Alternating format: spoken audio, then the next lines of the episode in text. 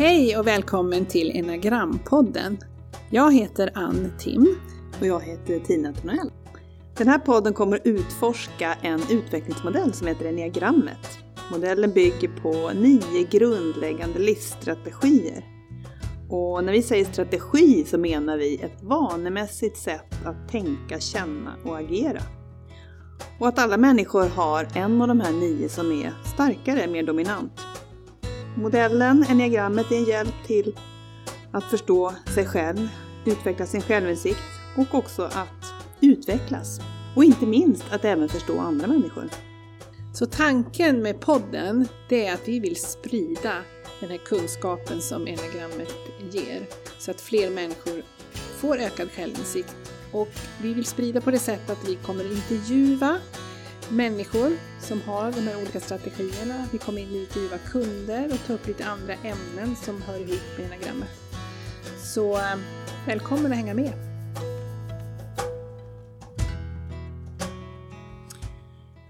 Välkommen till ett nytt avsnitt av Enneagrampodden med lite nya tider. Ja, som vi alla vet och känner så är det ju coronatider. Eh, det här är första dagen efter påsk som jag och Tina ses. Vi har inte setts på över en dryg vecka. Nej. Vi försöker också hålla oss eh, så mycket som möjligt i karantän och eh, vet att ni också gör det. Ni som inte behöver gå till jobbet och kämpa och så. Och, men då tänker vi att vi ändå skulle vilja bidra lite från vår sida med att podda. Och vi tänkte också faktiskt, vi har gjort om lite grann i vårt vårens utbud. För det är klart, allt som vi gör i grupper och team och sånt är ju framflyttat, våra kurser och så. Däremot har vi lagt in en digital lunchföreläsning där vi använder lite av vår kunskap kring enneagrammet och människor och självinsikt. Eh, och just vad är det som händer med oss vad för olika reaktioner hos olika personer i sådana här kristider. Mm. Så vi kallar den för självinsikt i kristider. Mm. Och den är öppen för er som känner till enagrammet och eh, så det blir ju en liten interaktiv workshop. Debattera och diskutera det här hur strategierna påverkar oss i sådana här tider. 28 april, april klockan 11. Och du hittar det på vår hemsida på kalendariet. Där kan du anmäla dig. Vi har lite flera digitala grejer men, men vi tar det i slutet på den här podden. Yes. Så att jag tror att vi nu tänker eh, att vi går in i sexan. Så Ja. Tina, om du börjar att berätta, vad är det som kännetecknar sexan som du har som, som du ser sexans styrkor eller? Ja, det känns lite roligt att vi pratar om just sexan i dessa tider. För sexan är verkligen en personer som har den strategin dominant är ju verkligen duktiga på att hantera kriser. De ser till att vara förberedda. Därför att de, har en, de är ju den här mentala intelligensen. Eh, det vill säga att man är ganska mycket i sitt huvud. Och de använder just den mentala intelligensen till att tänka framåt och fundera och planera och förbereda sig för livets olika eventualiteter.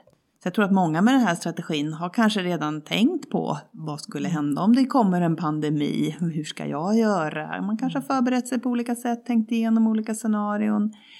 Det ligger eh, typiskt i den här strategin. Och, och det man strävar efter framför allt är ju att skapa någon slags trygghet. Det är liksom grunddrivkraften. Min trygghet och de runt omkring migs trygghet. Att, att, både, att känna trygghet och stöd och också vara en, en trygghet och ett stöd till andra människor. Det. Eh, det vi vill ha vill vi också ge och Mm. därför så kallas den ju också för den lojala. Att verkligen det är personer som du kan verkligen lita på. Alltså att vara pålitlig, att lojaliteten är stark. Och att man känner en slags också ett ansvar för andra, för gruppen. Och sen är det ju en lite speciell strategi får vi säga också. En som kanske tog oss längst att riktigt, Mm. riktigt förstå. Därför att det finns en slags motsägelsefullhet i sexan.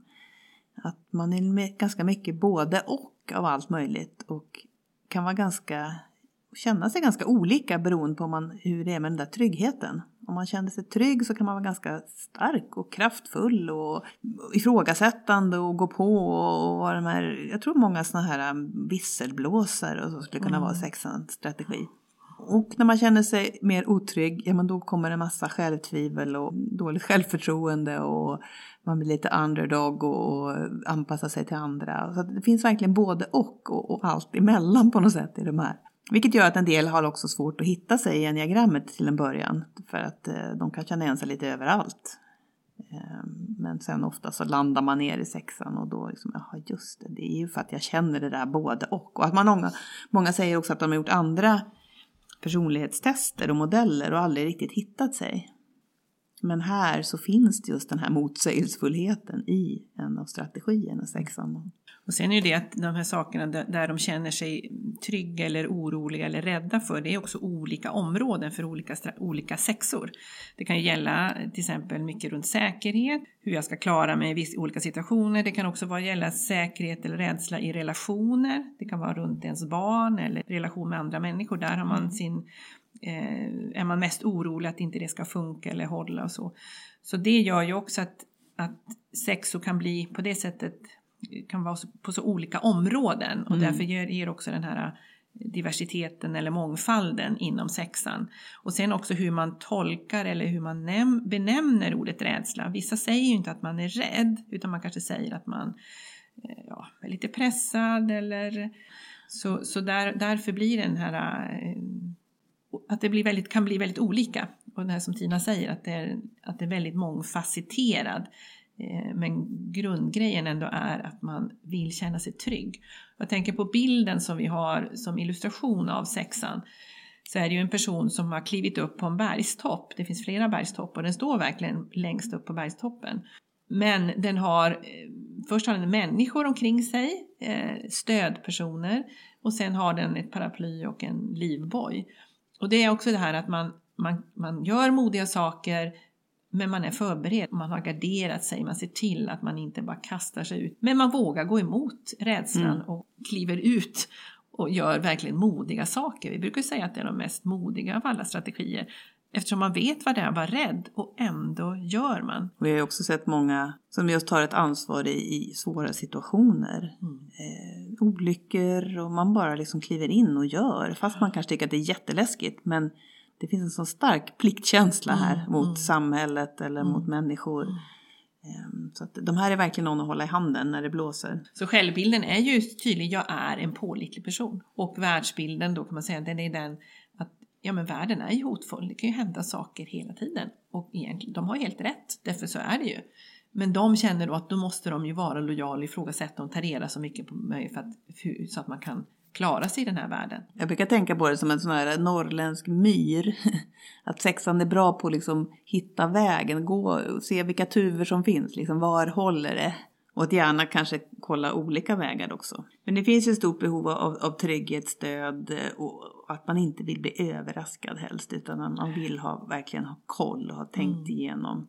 Och också kan ha lite svårt då, trots att man har så bra koll, att ändå lita på sig själv. Att har jag verkligen sett och förstått allting? Det finns ett inre tvivel där som ofta är igång och när det blir mera ängslan, rädsla.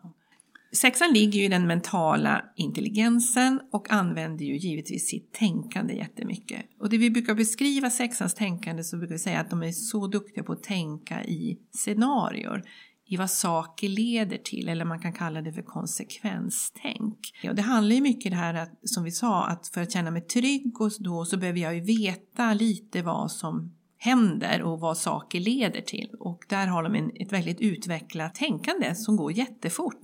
Det är som att man mindmappar jättesnabbt, ser olika vägar och sen så, så deras hjärna eller tänkandet, det mentala, det pågår hela tiden och det är massa, massa tankar och massa olika spår kan pågå samtidigt. Eh, som det är verkligen inte ett scenario, Nej, det är flera. det kan vara många. Och, och därför är de så duktiga också när man jobbar i projekt, att se saker, vänta, vänta, vi måste tänka på den här grejen, vi får inte glömma bort det, så man verkligen täcker in så mycket man bara kan för att förhindra att vi hamnar i problem och att vi minimerar risk. Mm. Och där kan de ju vara väldigt frågvisa också och vara duktiga på att ställa den där sista frågan som ingen annan har tänkt på. Och våga gå emot. Om, om det är allt för mycket konsensus, då brukar sexor börja bli lite oroliga. Då vill de börja väga in, ja men vänta nu, om vi tänker på det här sättet istället, om vi ser det här från det helt andra perspektivet. Vad händer då? Hur ska vi tänka då? Så att eh, det finns någon slags lite att gå emot strömmen också i de här. Därför att eh, annars så känner man sig alltför osäker. Och vi brukar ju säga också att eh, vi tror att mycket av svensk kultur Mm. eller är att, att ha den här sexans strategi. Eh, att den finns som, som starkt hos oss och det kan man ju bara säga att vi är jätteduktiga på säkerhetstänk. Vi gör analyser och riskanalyser i alla möjliga områden. Kanske också nu i dessa tider, i dessa coronatider, att vi är det enda landet i världen nu som väljer att gå en annan väg. Ja. Det är lite häftigt tycker vi. Ja. Eh, kan det ha med det här att göra att det händer någonting? Vi är duktiga på att ändå tänka i olika scenarier och vara förberedda även om eh, vi kanske inte varit förberedda när det gäller skyddsutrustningar och sånt. Men och också det här att vi litar till auktoriteter. Mm. Anders Tegnell Tegnell. är väl en landsfader just nu och de flesta av oss Åh, vi tycker det är så bra med honom och så. Och jag tror också att vi, vi lyder mer. Om man tittar de regler som har införts i Sverige så har man ju liksom gått längre, de flesta personer, än vad regeln säger. Om man nu Mm, säger att man får inte mm. träffas mer än 50 personer. Ja, men det finns väl ingen som har en kurs om det så är 10 pers Mm, nu. mm. Så att vi går ändå längre. Och det tror jag blir en skillnad kanske mot en del andra länder. Därför att de tolkar oss då bokstavligt och tittar på vad vi satt upp för regler så tycker man att det är superslappt. Men egentligen så gör vi mycket, mycket mer än så. För sexan vill ju känna sig trygg, den vill veta vad det är som gäller, vad är det för mandat, vad är det för regler, vad är det jag måste följa. Mm. Och därför så...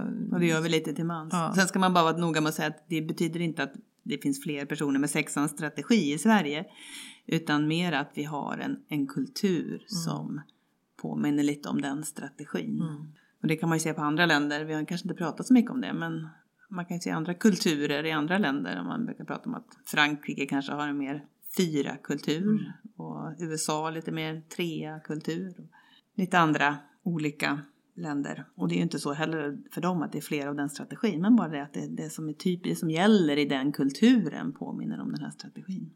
Jag tror att vi nämnde lite tidigare, men ändå eh, att trycka på det igen, att som sexa det här att man är så otroligt omtänksam och eh, och just det här också, det handlar ju om det här om jag ska bli säker på någonting så vill jag gärna kolla med någon annan och det gör ju att jag som sexer tycker om att bolla saker med andra. Eh, och därför så blir de ju på det sättet en verklig teamspelare, någon som man är lätt att jobba med därför att man håller inte kanske på sitt sådär utan man delar, hur tänker du om det här, jag tänker så här. Vill ha den här eh, bollandet med andra för att komma fram och, och känna sig trygg. Även om de vet att det här är bästa sättet eller så, så vill man ändå dubbelchecka med någon annan om de också tycker likadant. Mm. Så, så, eh, och det skapar en väldigt behaglig eh, person att jobba med. Och eh, vi brukar också säga som chefer, om man har sexans strategi, så är man generellt, man blir mer en teamledare. Den där Eh, som är Inte ställer sig i mitten och står och pekar utan man vill ha med gruppen. Man brukar säga att, att just den där attityden sexor har är lite ganska avväpnande. Det finns ett bra amerikanskt uttryck, man säger charm to disarm. Och det är de duktiga på att få andra att liksom lita på dem och slappna av och på något sätt visa att men jag är inte farlig, jag har inga vapen bakom ryggen, du behöver inte vara rädd för mig. Det är någonting som de bara utstrålar med sitt kroppsspråk, sitt sätt att titta på människor, att ha ögonkontakt och verkligen visa sig pålitliga. Och det får ju oss andra att slappna av. Och sen, sen kan man också se att de brukar vara ganska ärliga om sig själv och liksom berätta ganska öppet hur de känner och tänker och, och många gånger visa sin osäkerhet. Något som kanske en del av oss andra kan liksom vilja dölja eller att vi kan vara mer måna om att ge en viss bild av oss själva. Men här är man ganska noga med att vilja ge en rättvis bild. Det får inte vara för mycket varken plus eller minus utan liksom, ja så här är jag med alla skavanker och Sen har vi också noterat nu i, i uttaget även tidigare och kanske också i de här specifika tiderna att när sexan, när det väl händer eh, tuffa saker eller man hamnar i en kris så är det så många berättelser från de som har sexans strategi att agerar helt rätt, eh, Mm. blir väldigt eh, handlingskraftiga, tar tag i saker eh, och det är som att den där rädslan bara, den finns inte där. Och vi har ju noterat det med människor som har varit väldigt oroliga i början på den här coronakrisen och målade upp värsta scenarier och, och sen helt plötsligt blir de väldigt lugna och Ja. bara hanterar och gör. Nu ska det här göras och det ska göras och så. Så ehm, Jag har faktiskt pratat med några med sexans strategi Mm. just om det här, hur det är i de- dessa tider. Och vad de säger är att det blir ett slags lugn i dem när alla andra är oroliga. Mm, för då behöver det. inte de ta ansvar för att vara den där som ser faran. För att nu har Mm. alla sett faran, alla vet vad det är, alla vet, vad- och då kan de liksom bara slappna av. Så att mm, många upplever liksom en väldigt liksom, lugn period Mm. inombords nu. mm. Och sen är det en del förstås som är jätteängsliga rädda. Ja. och, och rädda. Ja. Men Mm. de som kanske är lite mer i balans. Det är lite intressant faktiskt. För det är kanske inte det man tänker först. Och sen också tror jag det här också att eftersom de går och, med sitt scenariotänk och katastroftänk och så, att eh, tänker ut det värsta.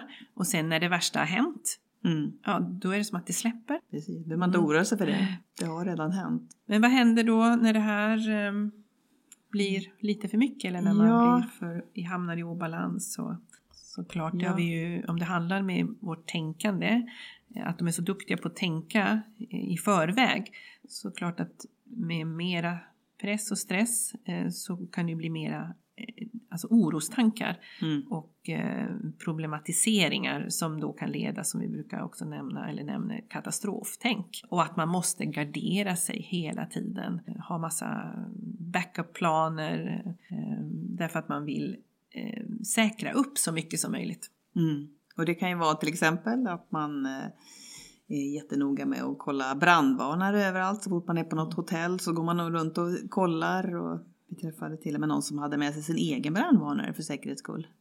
Det kan vara ett sånt område som man oroar sig för och planerar lite mycket. Och sen har vi de här, alla de här preppersarna som vi tänker, det är väl kanske typiskt sexan att bygga skyddsrum hemma och ha mat för flera år och just det där förbereda sig för det värsta och också agera utifrån det, att göra något. För det är klart en del av oss kanske går och tänker sådana tankar men Mm. att sen gå och bunkra mat och, och vatten och, och göra, utföra det.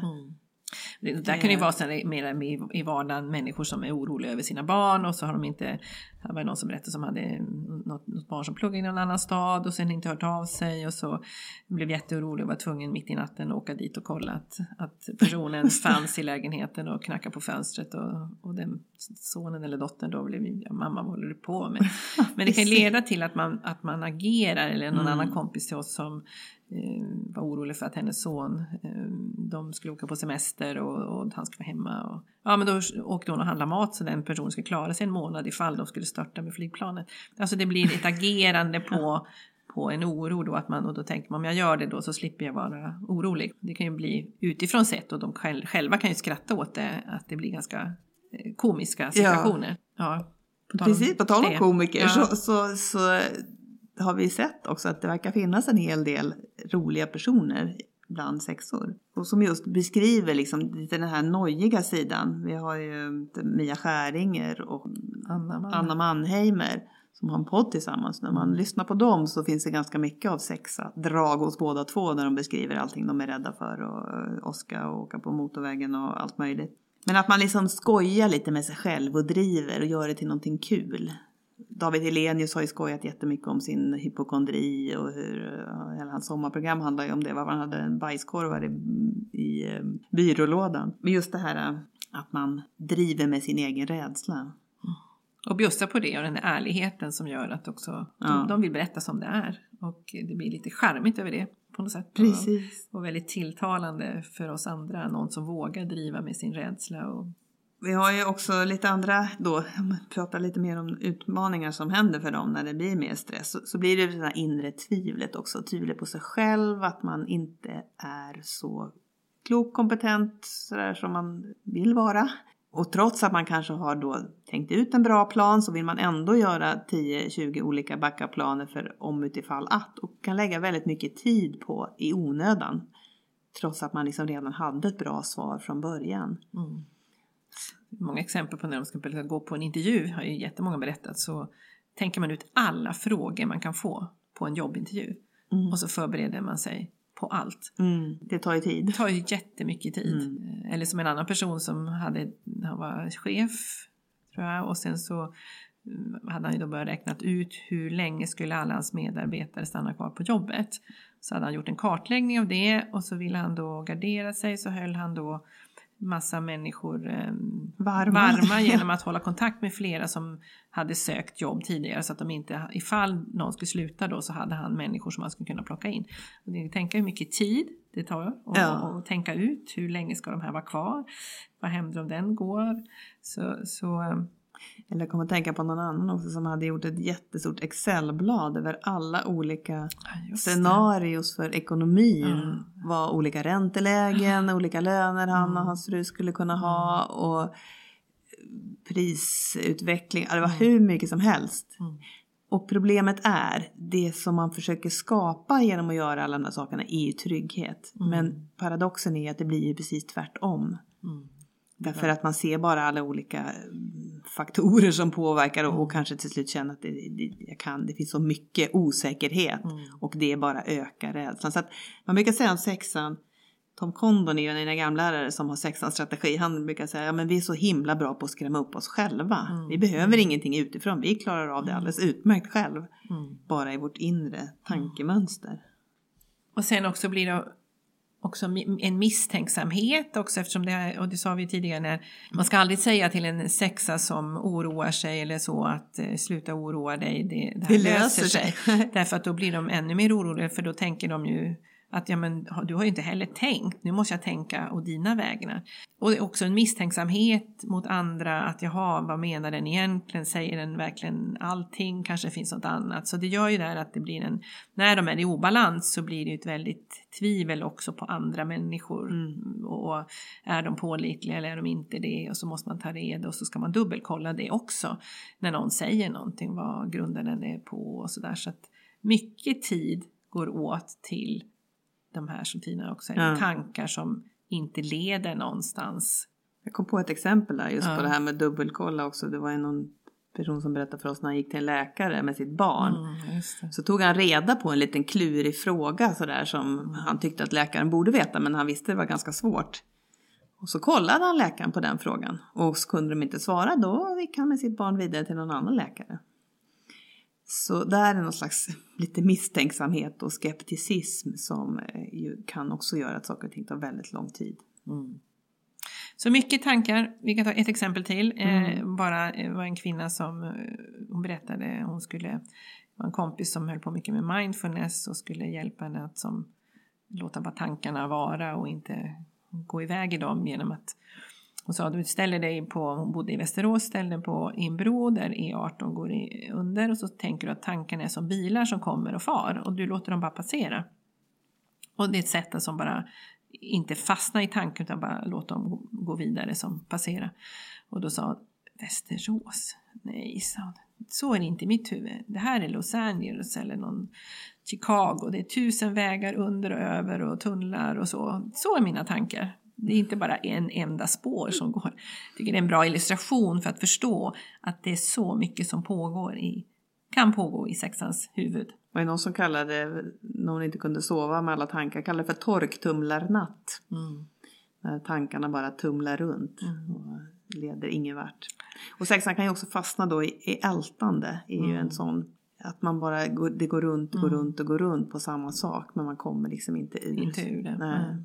Men om vi säger lite grann om hur det är med, um, titta på om man har flyglar till, eh, vad blir det om man har en flygel till fem och till sju? Vad blir skillnaden där? Sexa med femmaflygel är ju lite...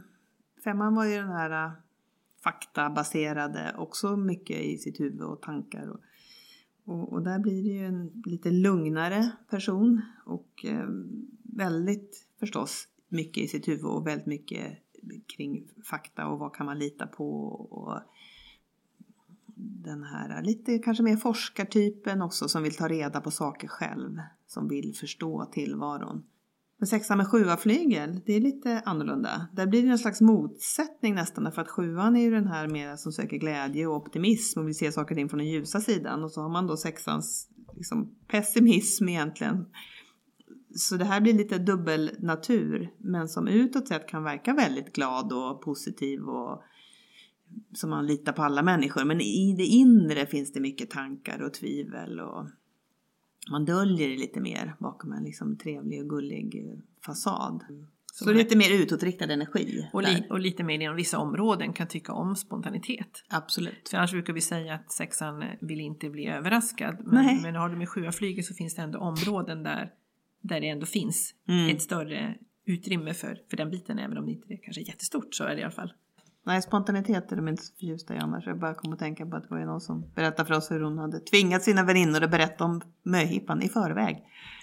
Därför att nej, man ville inte ha något bli, där man blev överraskad. Mm. Sen har vi ju de med pilarna. Vad händer när eh, sexan eh, hamnar eh, då i den här mer obalans och när man går in i den här, det vi kallar för en stresspil, man glider iväg till trean. Ja, då hamnar man ju lite mer i det här, eh, man börjar jämföra sig mycket med andra, det blir kanske lite mer en tävling, mycket mer prestation. Det här eh, att bolla och det här som finns, den här omtänksamhet mot andra, blir inte lika starkt utan det gäller att köra själv. Stänger av mm, lite mer sina känslor och hamnar i treans utmaningar och eh, eh, kan få hamna mycket i prestationsångest. Mer uppgiftsfokuserad Uppgiftsfokuserad också. Mm. och effektivitet Mm. blir viktigt och så. Hamnar mer i kanske image-tänk om sig själv. Just det, och det är kanske då också det här, framförallt det här tvivlet kommer på att är jag tillräckligt kompetent? Ja. Liksom, och, och eh, oro för hur andra ska se en. Liksom. mig Ja, ja.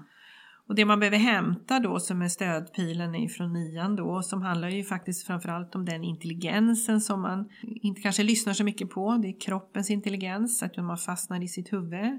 Oron späs på sig en massa oroskänslor. Det är att vad, vad säger min magkänsla? Och där, där är ju, vad säger kroppen? Och där är det ju så att många sexer lyssnar kanske inte in det och behöver göra saker för att komma ner i kroppen Mm. brukar vi de rekommendera att man är ute och går eller gör kroppsliga aktiviteter, någonting för att känna in vad säger min kropp i det här. Många brukar ju säga att de behöver träna riktigt, riktigt hårt. Då slutar den där tankarna att snurra runt. Då är de bara där i träningen. Och också det andra är väl också som nian ändå har det här med att lita till att livet eh, förser dig med det du behöver när, när du behöver det. Att ha någon, lite mera hållning till det, att inte tro att du måste, det går inte att tänka ut allting utan och fundera lite mer över vad i ditt liv har du fått som du inte själv har tänkt ut. Om ibland kan vi ha en övning runt det så kan man se att det är ganska mycket som har kommit till oss Mm. utan att vi har tänkt ut och att för sexan att försöka påminna sig om det och reflektera över den biten. Mm. Det var det vi har att berätta nu om sexan. Och eh, efter det här följer en intervju med Fredrik Davidsson som jobbar som trafiksäkerhetsplanerare. Vilket ju är ett utmärkt yrke för en person med sexans strategi. Så får han berätta om hur det är liksom på riktigt inifrån.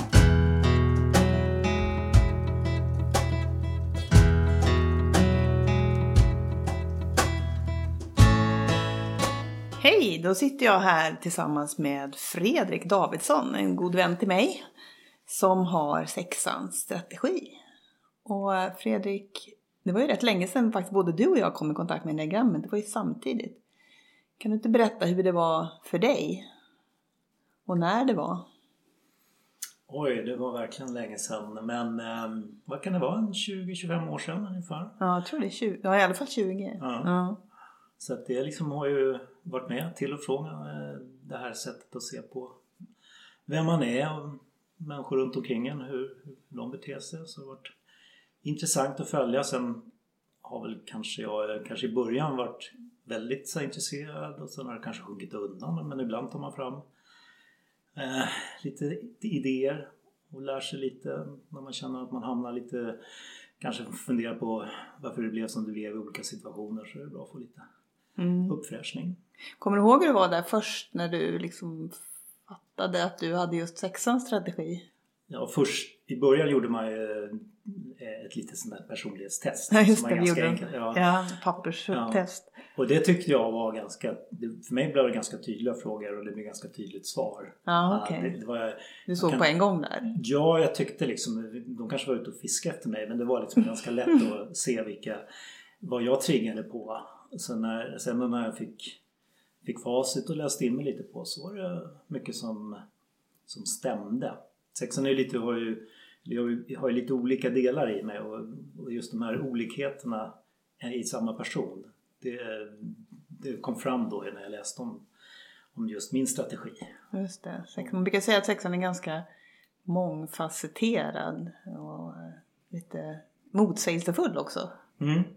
Och där, där tyckte jag, sen, är ju, sen har man det som lite som sexa har man det som strategi att man ifrågasätter och allt sånt där. Om det då är motstridigt så, så blev det ännu bättre. Ja, just det. Det var inte så entydigt att jag var precis sådär utan det, det fanns sid, olika sidor av mig och då kunde man liksom lättare acceptera det. Mm. Om man som sexa alltid är lite misstänksam och kritisk och ifrågasättande. Man brukar ju säga att sexans drivkraft, eller liksom grundläggande motivation är det här med trygghet. Hur eh, är det? Vad tänker du om det? Jo, eh, det, det var någonting som var ganska tydligt att eh, att jag försöker undvika situationer där man liksom hamnar i obekväm, där man inte klarar av det. Liksom, olika typer av utmaningar då, som, som utmanar en på grunden. Det försöker man då undvika. Och, och, och även rent praktiskt. Att I den värsta världen så bäddar man in sig i bomull utan att behöva liksom utsätta sig för någon typ av osäkerhet. Mm. Eh, som är då kanske den, man är mer osäker i sin sexa då. Så att, att man söker tryggheten. Ehm, men precis som du sa tidigare så finns det ju två sidor, att man också utmanar. Och i den spännvidden är man då. Så det är både att vara trygg men att utmana i olika situationer. Ehm, men det var ganska, ganska tydligt. Jag vet inte varför jag har den strategin att Nej, söka trygghet. Just det. det vet jag inte men, men eh, den, den känns som en av de här viktiga egenskaperna. Ja. Om du går tillbaka till när du var yngre, kan du se att det där fanns med då också? Och kanske båda delarna då, både trygghet och utmaningen. Jo, det, det har nog funnits med, tror jag, väldigt länge. Alltså det, jag kan inte påminna att det var någon omslagspunkt. Nej. Alltså jag hade en uppväxt där jag liksom var kanske så här, inte nörd, men i alla fall liksom så välartad. Eh, liksom, gjorde alla läxor, hade liksom... Ja, ordentlig. Ordentlig yeah. liksom. Men ändå så hade jag liksom plats, plats i det här värstinggänget i tonåren. Där liksom jag jag och den här lilla roliga nörden fick ändå vara med och liksom drack mellanöl och blev brusad. Och liksom, jag kunde ju märka då att de som var riktigt trygghets... De, tyckte, de fick inte ens vara med. De liksom signalerade att det här var inget, den här, de kunde inte vara med i det här spännande gänget. Liksom, Nej, Småkriminellt och uh, köra trimmad moppe och jaga av polisen. Det var ju inte en trygghetssökande liksom, skolnörd. Nej. Men jag liksom kunde då triggas till det och signalerade då bland i det här gänget att det var okej okay att jag var med fast jag var präktig skolkille då liksom. Mm. Och det här pratar vi om, då är vi kanske 12, 14, 15 års åldern. Ja. Så, så finns det där med. Intressant. Man brukar ju säga om sexan ibland att sexan är som zebran eh, på savannen. De vill hålla sig precis på lagom avstånd från lejonen så att de har koll på när de anfaller. Man vill inte släppa dem ur sikte. Tror du det var ett sätt att ha lite koll på faran, det som var läskigt och farligt eller de här farliga killarna? Ja, eller? Nej, jag ville nog dock Typ att man skulle vara rädd att man skulle bli mobbad av dem om man inte liksom... Nej, jag tyckte nog mer att, att det var kände att jag hade så tryggt. Jag, liksom, jag hade liksom trygga hemförhållanden och allting var så tryggt. Så det ja. fanns liksom en liten sån här... Ja okej, okay, så här tyckte jag. Men det var ju kul att få lite spänning. Just men då det. gjorde jag det på ett tryggt sätt. Det var inte jag som blev fullast av alla och slogs med polisen utan då tog jag ju steg tillbaka alltså, liksom, i det här gänget. Då, liksom. mm, så, mm. så du var lite nära faran men inte så att det brändes? Nej, så på så sätt bra zebra analogi. Men, men, inte för att ha koll på faran. Det kändes Nej. inte riktigt som att det var så farligt. Men ändå det här äh, att dras till det mm. på något sätt. Mm. Inte att hålla sig helt ifrån. Nej. Som också är spännande. Som är en av de här motsättningarna tänker jag inom men när man tittar på sexan som, som strategi då med, med trygghet, vad, vad ser du för fördelar? Alltså vad är, är det för styrkor i den strategin som du använder? Ja, trygghet tycker jag, alltså om man får, om jag skapar trygghet omkring mig mm. så kan jag också liksom generera trygghet utåt. Mm. Så att om jag då känner att jag tycker att jag befinner mig i någon situation som jag förstår och har kontroll över då är det lättare för mig kanske att säga att ja, men det här förstod jag inte eller hur menar du då? Alltså man är mer öppen. Jag behöver liksom inte sätta mig på någon och säga att så här är det, tror jag. Jag är trygg i det jag vet. Ja. Och det jag inte vet, då är jag nyfiken på om jag kan lära mig mer. Just att du inte behöver ge någon särskild bild av dig själv heller Nej. låter det som då. Nej. Att du är ja, ärlig med, det här är jag, det här Det är kan jag, det det här är kan jag inte. med Mm. tryggheten Mm. då. Och, och då tror jag att då kan jag liksom få andra människor att komma, komma lite närmare mig i Mm. den tryggheten. Då. Att, då kanske de vågar säga att det där förstod jag inte eller det tycker jag inte som du. Eller, Så det är ett sätt att skapa trygghet omkring dig. Jag, jag tycker det är, det är, om du säger den positiva med Ja, trygghet. absolut. Så att jag får trygghet, eller Mm. det finns en trygghet tillbaka. Jag tänker också på att sexan kallas för den lojala. Hur hur identifierar du det med lojalitet? Eller vad är lojalitet för dig? Ja, den är ju... Det, där känner jag också, apropå att vara alla rätt. Ja. Jag känner väldigt tydligt liksom att vara lojal. Liksom. Jag skulle komma hit klockan kvart över fyra. Jag kommer ungefär kvart över fyra. Liksom. Exakt kvart över fyra kan jag säga. liksom, vi har, jag har kommit överens med dig. Ja, liksom, så ja. att det är, i, liksom, I det lilla och i det stora så, så är jag lojal. Och det, jag, det finns ju uppsidor med det. Folk litar på mig. Säger Mm. att jag ska göra si eller så så, så, så känner de sig trygga. Och säger att jag inte gör si eller så så vet de det också. Men det finns ju en... Jag tycker också det finns en baksida i det. Man lägger en begräns, jag lägger en begränsning på mig själv. Att, att ta avsteg från lojaliteten. Att ta konflikter med någon som, som, som jag har lovat att inte ta konflikt med. Som Ja, jag okej. tycker att jag, alltså, eller där byta spår liksom, och säga att Nej, men du är inte min vän längre. Alltså att, Nej. eh, Så det begränsar dig? Ja, liksom, jag känner ju då att om, jag- om, om, som vänskap för mig det innebär att det kan inte jag bara kliva av. Nej. Och det är liksom lite baksida på det också. Även fast jag kanske känner att nej, här kanske jag ska göra något annat i den här relationen. Mm. Så känner jag mig lojal mot att jag har liksom skaffat mig den här relationen. Jag kan inte bara vända bort från den. Mm. Och det, det finns positivt och negativt i det. Begränsa lite min frihet. Ja, Att tänka på mig själv. Kan det vara annat än relationer som du är lojal emot? Ja, jag är, liksom, tycker jag är väldigt lojal i, i mitt arbete. Alltså att säga att jag ska leverera någonting Mm. i mitt arbete. Mm. Och det brukar jag få utvärderingar också eller liksom feedback att säga Ja. att jag ska göra någonting så gör jag det. Så det är ett sätt att vara pålitlig som man brukar säga, en annan Mm. styrka hos sexan. Och sen är jag också, det är liksom också en sån här lite konstig, det här med auktoriteter är en del av, alltså, både att ifrågasätta auktoriteter men även att underordna sig akti- auktoriteter. Ja, det, det. ser jag som ganska typiskt tecken. Jag kommer ihåg i lumpen, om man då var befäl för en grupp eller en, en, en pluton och sånt där. Då var jag alltid ställföreträdande medan det fanns en som var den riktiga ledaren formellt. Mm. Och jag trivdes jättebra att vara ställföreträdande. Jag liksom gick längst bak och Ja. kontrollerade att alla i flocken, eller alla, ingen Ja. sladdade, alla kunde medan den som ledde kanske gick längst fram. Så det finns en motvilja mot att vara den där som går längst fram? Ja. Eller? Men, Ja. och då, men samtidigt fanns en lojalitet både mot gruppen men också mot den här auktoriteten som är då ledare för gruppen. Och då känner jag att där är en situation där jag både yrkesmässigt och i andra sammanhang kan känna att jag kan ha en bra relation till en auktoritär ledare. Jag kan säga tu man hand, det där var inte bra, det där var bra. Den som är riktig ledare uppskattar det. Just det. För jag utmanar, inte, jag utmanar inte ledaren. Då finns det ju ett manipulativt drag i det. Jag kan ju då få ledaren eller få kanske en, eh, en uppdragsgivare Mm. som jag inte delar kanske slutsatserna med. Att på ett annat sätt få fram min, mitt sätt att se och så kan man då övertyga en auktoritet om att ändra sitt beteende eller att ändra Mm. sin syn på någonting utan att den personen känner sig hotad i sin formella roll. För du hotar aldrig dens auktoritet Nej. egentligen? Nej. Jag kan leva med den auktoriteten. och Just till och med underordna mig. Tycka att det är helt okej att underordna mig. Bara få ifrågasätta den. Ja. Inte inför andra. ja, just det. Det kan du göra på tu man hand. Nej, för jag behöver inte själv boosta mitt eget ego i den situationen. Men vad är det som... För det finns då en liten motvilja mot att själv ta den där auktoriteten också. Vad är det, vad är det som gör det?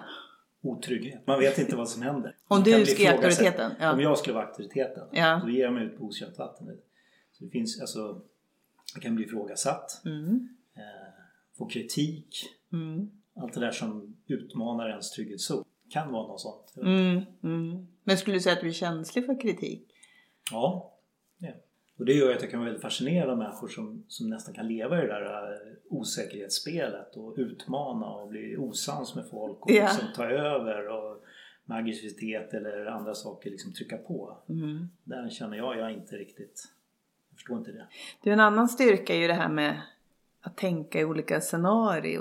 Och hur, hur funkar det för dig? Funkar det? Ja, det är ju det som funkar. Det är ju det som är livslusten för en sexa. Liksom, att alltid ha fullständig kontroll, tror man då. Liksom, att man tänker ut alla möjliga utvecklingar. Och för mig är det, i och med att jag jobbar med att titta, eller vara med och titta in i framtiden. Mm. Så det är jättebra. Man kan verkligen få utlopp för alla möjliga scenarier.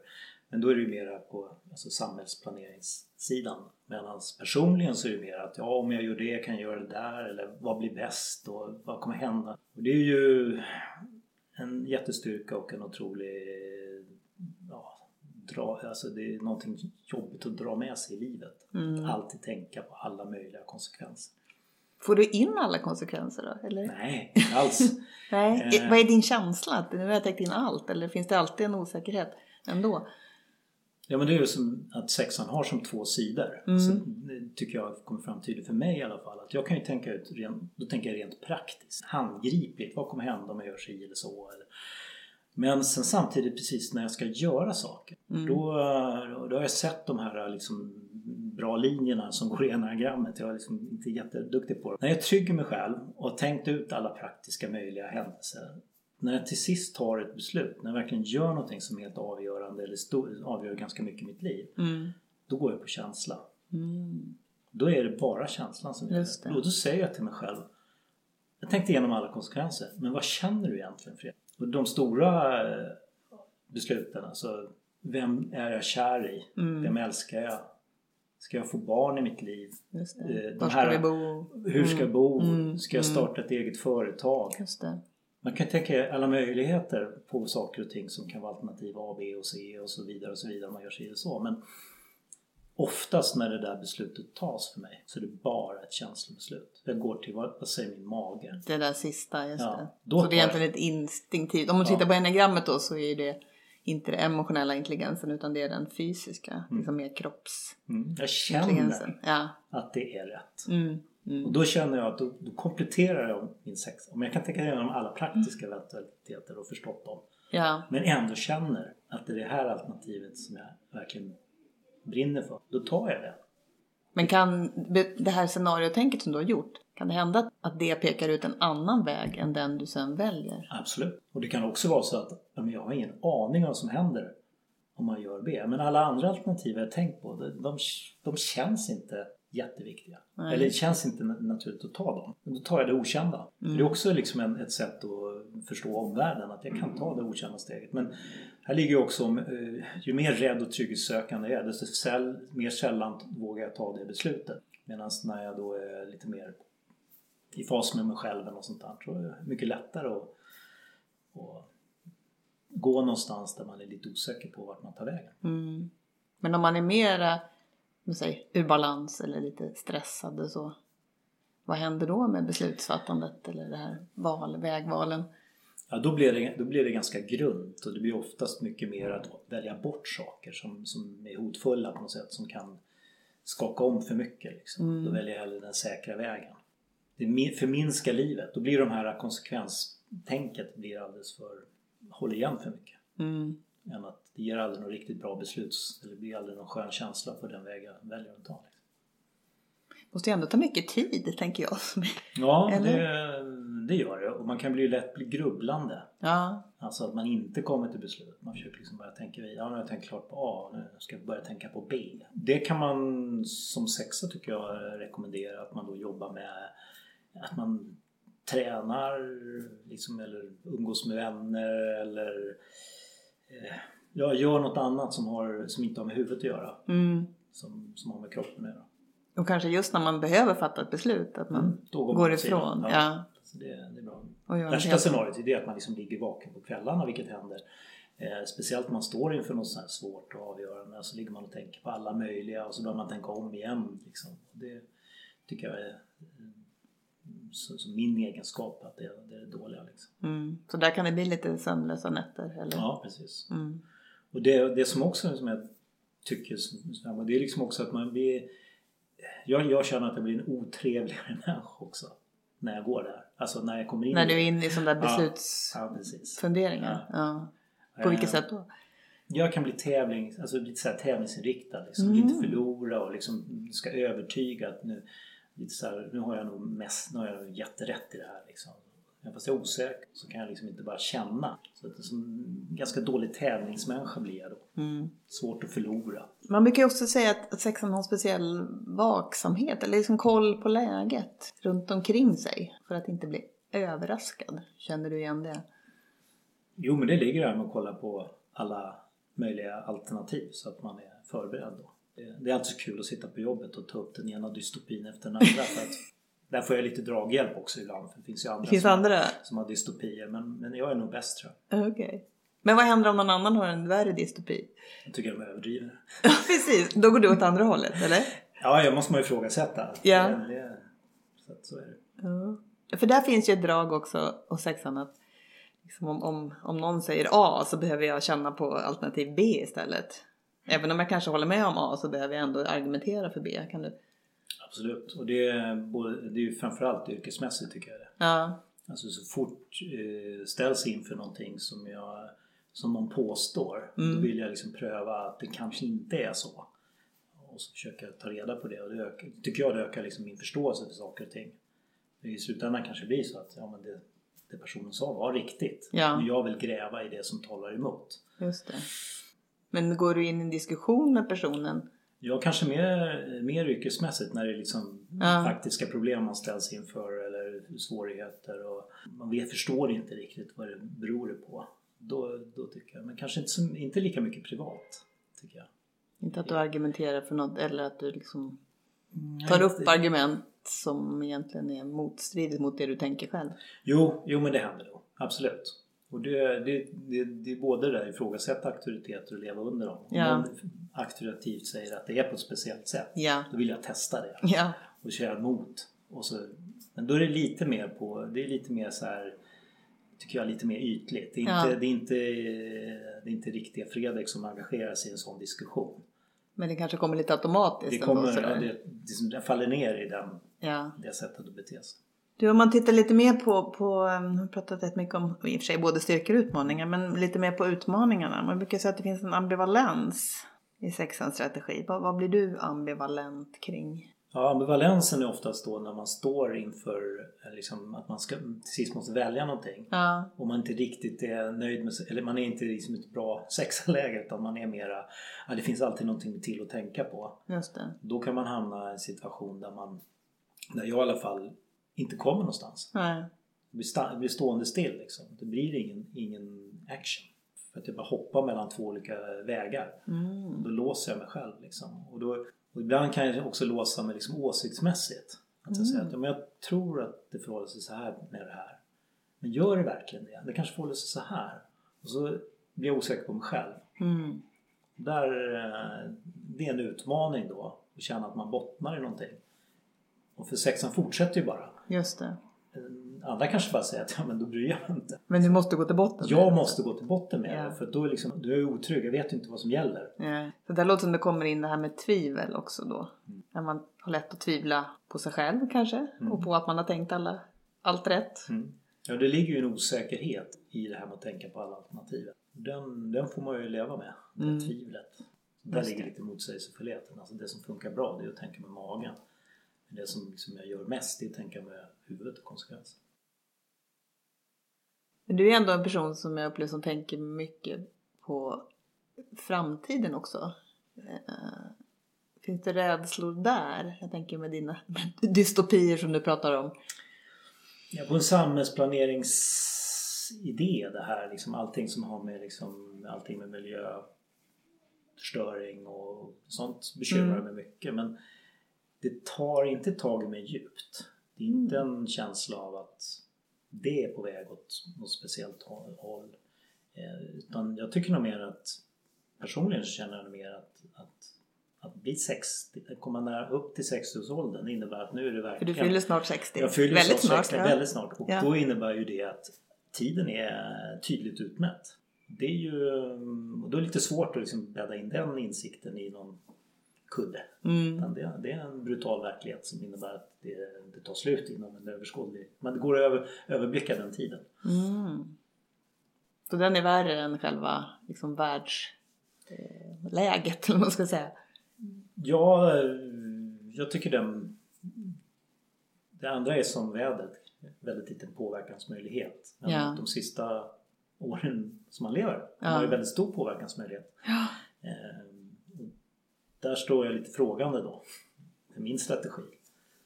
Svårt att utmana mina rädslor och göra något som är farligt så jag känner att jag lever.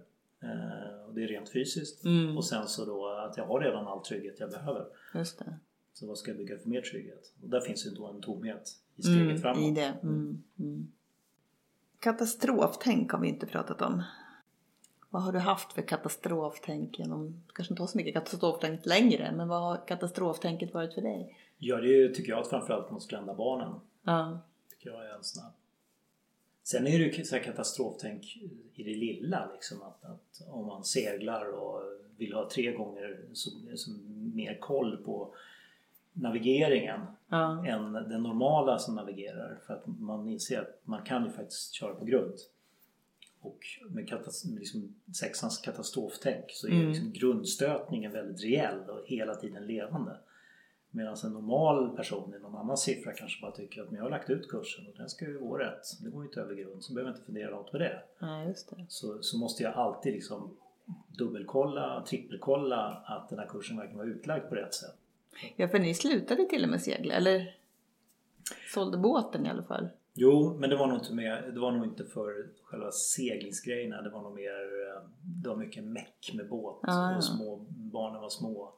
Det var nog mer praktiskt. Jag kommer ihåg att du sa någon gång att det var det här med att ligga i natthamn, att det var svårt att sova. För... Ja, absolut. Så det, det, det, liksom, det var ju minussidan Mm. eh, med att vara det här katastroftänket. Nu vänder vinden, hur ska vi göra då? Så att man tänker, det finns mycket att tänka på när man seglar. Speciellt om man har små barn ombord och har begränsad möjlighet att göra saker. Så att katastrofscenariot har väl minskat tycker jag. Mm. Så mer när du var, när du var yngre och barnen var mindre. Jag tror det. Är det att ta ansvar för någon annan som är, Ja, ger en större eh, katastrofmöjlighet? Ja, det kan det vara. Men jag tror också det kan vara att, eh, att komma utanför komfortzonen var lite värre då Mm. än vad den är nu. Mm. Man pratar ju om eh, pilarna eh, mellan sexan och nian och sexan och trean. Om man tar den här pilen till trean som ju man kallas för stresspil. Lite grann, vad, hur känner du igen dig i det? Ja, det är ju när jag inte får någon djup i det jag ska tänka ut, vad jag ska göra. Då blir det lite, så här, lite tävlingsinriktat, tycker jag. Det falskprestera och vara bättre än jag egentligen är och sådär. Jag vet inte om det är Mm. trean.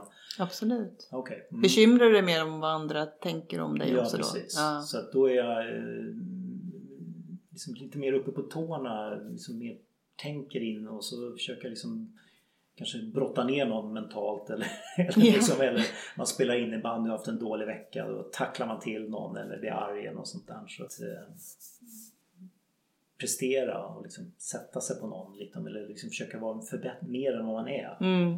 Ja, alltså, försöka vara Mm. Så lite mer och- image på något sätt? Ja, lite Mm. image. Jag, Mm. jag kan mer än vad ni tror. Försöker jag liksom påvisa då. Ja, Och Gärna tala om det då. Jag vet inte om det har med trean att göra. Men det låter absolut som trean. Jo. Sen är ju sexan, om vi inte pratat om, är ändå en naturlig liksom, teammänniska. Men ibland så brukar man så också säga att man tenderar att tappa lite det där med tanken på andra och det blir mer jag och mitt och, ja, visst. och mina prestationer. Ja. Nu måste jag göra här, Ja, uträtta. Och där är också sådana saker som att tjäna pengar. Liksom. Då kan ju det också bli viktigt. För att det, det hjälper tryggheten och det är liksom på något sätt falskt så här, ja men titta vad bra jag är. Just Jag har det. gjort det här liksom. Jag har liksom samlat ihop så här mycket pengar. Liksom. Det, jag vet inte om har med trean att göra men det Mm. känns som att det är lite så här falskt och då kan ju det med sexans trygghetsbehov Mm. förstärkas jättemycket. Liksom. Att det här är jätteviktigt. Eh, Då, blir man ju, då är man ju egoistisk i det. Liksom. Och som lite går emot ditt egentligen naturliga sätt att vara. För det med lojalitet, om jag känner att jag går mer mot, vad heter den andra, var det nian? Nian är det, ja. Då känner jag att då, då kan jag ingå i ett sammanhang, jag är liksom mer trygg i vad jag tycker. Jag behöver inte tala om det. Nej. Eh, Och jag kan liksom trivas i ja, liksom en solidarisk situation där liksom Mm. alla gör sitt. Mm. Jag gör min för att jag har liksom lite pliktkänsla med jag tänker att jag kan ju då känna ibland att de andra som inte gör sin plikt blir jag förbannad på om jag är stressad och tycker att mitt är viktigt. Men i den andra situationen så kan det vara så att ja, men, alla bidrar med vad de kan. Här funkar det bättre i kanske jobbsammanhang. Man sitter i ett möte. Mm. Jag kanske inte är jag som behöver säga allting på det här mötet. Om någon säger någonting som jag redan som jag hade tänkt säga behöver jag liksom inte säga det en gång till bara för att jag också visste det. Utan, Ja, det. Men vad bra, då fick- kom ju det fram på mötet. Ja. Man liksom underordna sig i en slags... Vi som sitter på det här mötet, vi kan... Så det låter verkligen som nian, både den här toleransen och acceptansen av att människor kan bidra olika. Och också ing- och prestigelösheten i att Mm. inget behov av att själv liksom yttra sig. Och... Är det någonting som du liksom medvetet har tänkt på att göra Jo. mer av? Ja men det jag har tänkt på det är ju att, att den delen funkar bättre för mig så jag försöker söka mig till eh, arbetssituationer, alltså jobba ihop med beställare och andra konsulter Mm. i konstellationer som jag trivs med. Mm. Där jag känner att eh, jag behöver inte utmärka mig på något sätt. Söker mig dit för där känner jag att jag fungerar bättre. Eh, Men jag har en sista fråga. Ibland, eller ofta när har varit ute på företag och pratat med personer med strategi så säger de alla säger att vi är pessimister, men det är vi inte. Vi är realister. Kan du känna igen att, har du också fått det, höra det? Eh, absolut. Eh, det tycker jag är liksom, och det, är ju, det gäller ju att vända det där både för sig själv och för andra. Mm. Och det är jättesvårt för en sexa. Mm. Att liksom försöka formulera sig på ett annat sätt. Att liksom tala om att det finns möjligheter. Det finns vi har tre, fyra möjligheter här. Ja, Vilket tror vi är bäst? ja. Inte säga att det finns tre, fyra olika hot här. Ja, Vilket är det. hemskast av det vi ser framför oss. För det är det är precis samma alternativ vi står inför. Det kan vara privat också. Mm. Ska vi liksom åka den här vägen till fjällen eller ska vi åka den där vägen till fjällen? Liksom? Kan man ju vara, nej jag är pessimist, det kommer vara så himla halt och hemskt på den ena vägen. kan man ju vända det på. När jag såg så såg det ut att vara och fint om vi kör den där vägen. Där kan finnas några bra restauranger. Ja, Det är precis samma liksom, spår i huvudet på en sexa. ja, Men när man då kommunicerar med andra som inte är sexer då kanske det som vi pratar språket att ja, det är ju för att det är halt på andra vägen. Men indirekt så är det inte halt på den andra. Ja, du förstår. Ja, absolut. Alltså, pratar jag med då en annan människa, men skulle jag prata med sexer så skulle han tycka det var mycket mer intressant att få reda på att det var. Att det var halt. Och prata om att det var halt där. Då tar vi den torra vägen. ja, Men att kommunicera med sin, den man lever med eller med sina barn eller med sina kompisar på det sättet. Att alltid tala om vad som är hotfullt. farorna. Mm, mm. Då ska vi lägga bort det. Så tycker man det är ju jättebra att vi pratar om det som var hotfullt. Och de bara, "Åh, vilken jobbig människa. Liksom, Måste alltid ta upp det som går fel. Och, ja.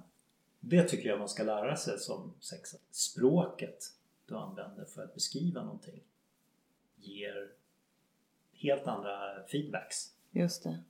Alltså din strategi som sexa Mm, må vara okej, eller det, det, det får du leva med. mm. Men när du kommunicerar med andra, så försök tänka på ett annat sätt. Är det något annat sådär tips du tänker till andra personer med sexans strategi? Som jag sa, att det, liksom, försöka hitta någon slags inre jag, vad det nu är. Men jag tror att när man väl har hittat det, när man Mm. har den här känslan så, så är det tydligt för de flesta. Mm, Och man är glad när man känner vad man vill göra mm. istället för att tänka ut vad man vill göra. Just det. Så det, hitta till den där magkänslan. Magkänslan ja. tror jag, det, det har varit nyckeln för mig. Ja. Eh, Sen kan det ju vara så att jag då för att hitta magkänslan måste tänka på allt möjligt. Men som vi var inne på tidigare, det är ju inte alltid så med det här. Ja. Och det är sen jätteskönt. Jag behöver inte tänka på alla tid för det är någon annan som har tänkt på dem. Eller man är inlagd på ett sjukhus. Mm. Man kan inte göra någonting. Kanske sexan också känna att åh skönt. Jag är helt omhändertagen eller någon annan bestämmer över mitt liv. Jag kan inte tänka för det finns inga frihetsgrader.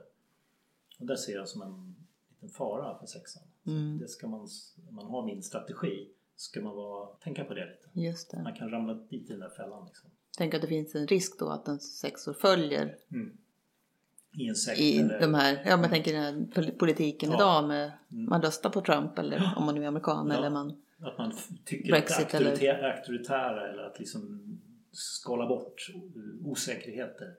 Det läskiga, det okända. mm.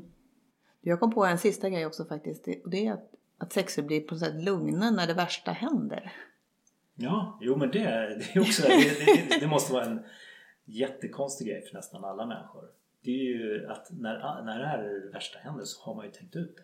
Det är inte alltid, men, men jag kan ju hamna i situationer, oj nu hände det. Bra, då har jag ju tänkt ut vad jag ska göra. Nu är jag inte överraskad. Så att, Då blir man lugn. ja, lite så att, nu hände det. Jag kommer ihåg för många år sedan när min dotter hoppade ner från en brygga och skar upp foten. Och ni var hemma hos oss. Det var inte jag och min man som på en gång visste vad vi skulle göra. Jag kommer ihåg det. Ja, visst. Nej, men för mig var det så naturligt. Ja. Alltså så fort som möjligt ta med sig någonting så man kan stoppa en blödning Ja. med tryckförband. Ja. Och, och så ta sig dit snabbt och se. Boom! Bara, det gör man direkt. Pang pang. Ja. Har du råkat ut för andra sådana situationer där du hoppat in? Liksom? Ja, bara runt hörnet här så föll en stor jättebalk ner över Sankt Eriksgatan. Krossade en personbil med en bebis som satt i och den började ryka och på att brinna. Oj. Och jag kommer ihåg jag stod med en hamburgare på McDonalds i handen och den liksom låg på golvet innan jag visste vad som hände. Och jag var ute genom dörren och springer mot den bilen som ryker. Ja. Och jag ser fortfarande folk som bara står helt stilla. Då har jag liksom förpassat mig 50 meter. Direkt, så Direkt, rycker du ut. Ja. Ja, så det finns någon slags eh, alarmberedskap. ja. För det, det kan ju det kan ju ha någonting precis nu medan vi sitter här. Nej, det, det är en fantastisk egenskap. Det är någon slags civilkurage. Eller? Det och lojaliteten Ja. ger ju en positiv sida. Men det är en lojalitet mot samhället på något sätt. Att Ja, jag ställer upp när det händer någonting. Ja, precis. Det är liksom, oavsett vem det är så, så Ja. kan jag. Nu låter det bättre än det är men det är liksom små tillfällen då man ser att ja, men jag reagerar helt annorlunda än, än 99% av Mm. människorna omkring mig. Mm. Vad berodde det på? Då är det förmodligen den här lilla katastroftanken i bakhuvudet. När som helst kan vad som helst hända. Just Ni det. känner ju en sexa. Och nu händer det. Då, då har man ju tänkt ut att det första man gör är att springa fram och kom, liksom, ta del av det som har hänt. Ja. Du får skämma ut det efteråt om det var fejk eller en tv-inspelning eller något sånt där. Liksom. Men, Så det låter också som att där går man på något sätt också direkt till instinkten. mm. Medan andra kanske just står och tänker precis nu, det här kanske är en tv-inspelning eller det här kanske blir pinsamt på något sätt. Jag vet inte, Ja. ska jag göra? Vad, vad gör de andra? Ja, det är jättespännande. Men du, eh, då kanske vi ska sätta punkt här. Mm. Och stort tack Fredrik! Du har verkligen hjälpt oss att förstå sexans strategi. Mm. Utifrån ditt sätt att funka som sexa. Ja, kul att vara här. Ja. Tack för att få komma också. Ja, okej. Mm. Tack ska du ha, hej! Hej då. Det var allt vi hade för den här gången. Men som vi sa inledningsvis så har vi en del digitala erbjudanden nu under den här tiden. Bland annat så kan du vara med, du som har fyrans, ettans eller sjuans strategi kan vara med på en workshop som vi har digitalt den 24 april klockan halv två till halv fem på eftermiddagen. Du hittar information om det på vår hemsida. Där kan du också anmäla dig. Allt det kommer att vara via Zoom. Och sen kommer vi också ha en öppen föreläsning, en introduktionsföreläsning via Zoom den 12 maj på kvällen klockan 6 börjar den. Även den hittar du under eh, vårt kalendarium på hemsidan på www.enneagramcenter.se. Och du som har glömt bort vad vi sa i början så har vi ju en föreläsning den 28 april också. Just I lunchföreläsning. en workshop tror jag vi kallar den för. eller workshop Ja, faktiskt som det. handlar om strategierna agerande i kristider. Ja. Men sen du som också sitter hemma och har lite mer tid, passa på om du inte har redan gjort det att läsa vår bok. Det är också ett sätt att inhämta mer kunskap om enagrammet. Boken heter Självinsikt, nyckeln till att utveckla dig själv och andra. Och den finns att köpa på bland annat Bokus och Adlibris. Ehm, sen så ska jag också nämna att våran intromusik som vi har är, spelas av en grupp som heter Måndagsmusikanterna som du kan hitta också på Spotify om du vill lyssna på några fler låtar av dem. Men så får vi önska er bara en fortsatt bra dag och eh, var rädda om varandra och eh, vi ses igen om ett tag och nästa poddavsnitt kommer handla om trean presteraren. Ha det gott! ja, och trevlig vår och njut, ut och njut av om du har extra tid nu. Du som har det, ut och njut i vårvärmen. Mm. Så vi ses om en stund, Ja. ett tag igen. Hej med dig! Hej! Hej då!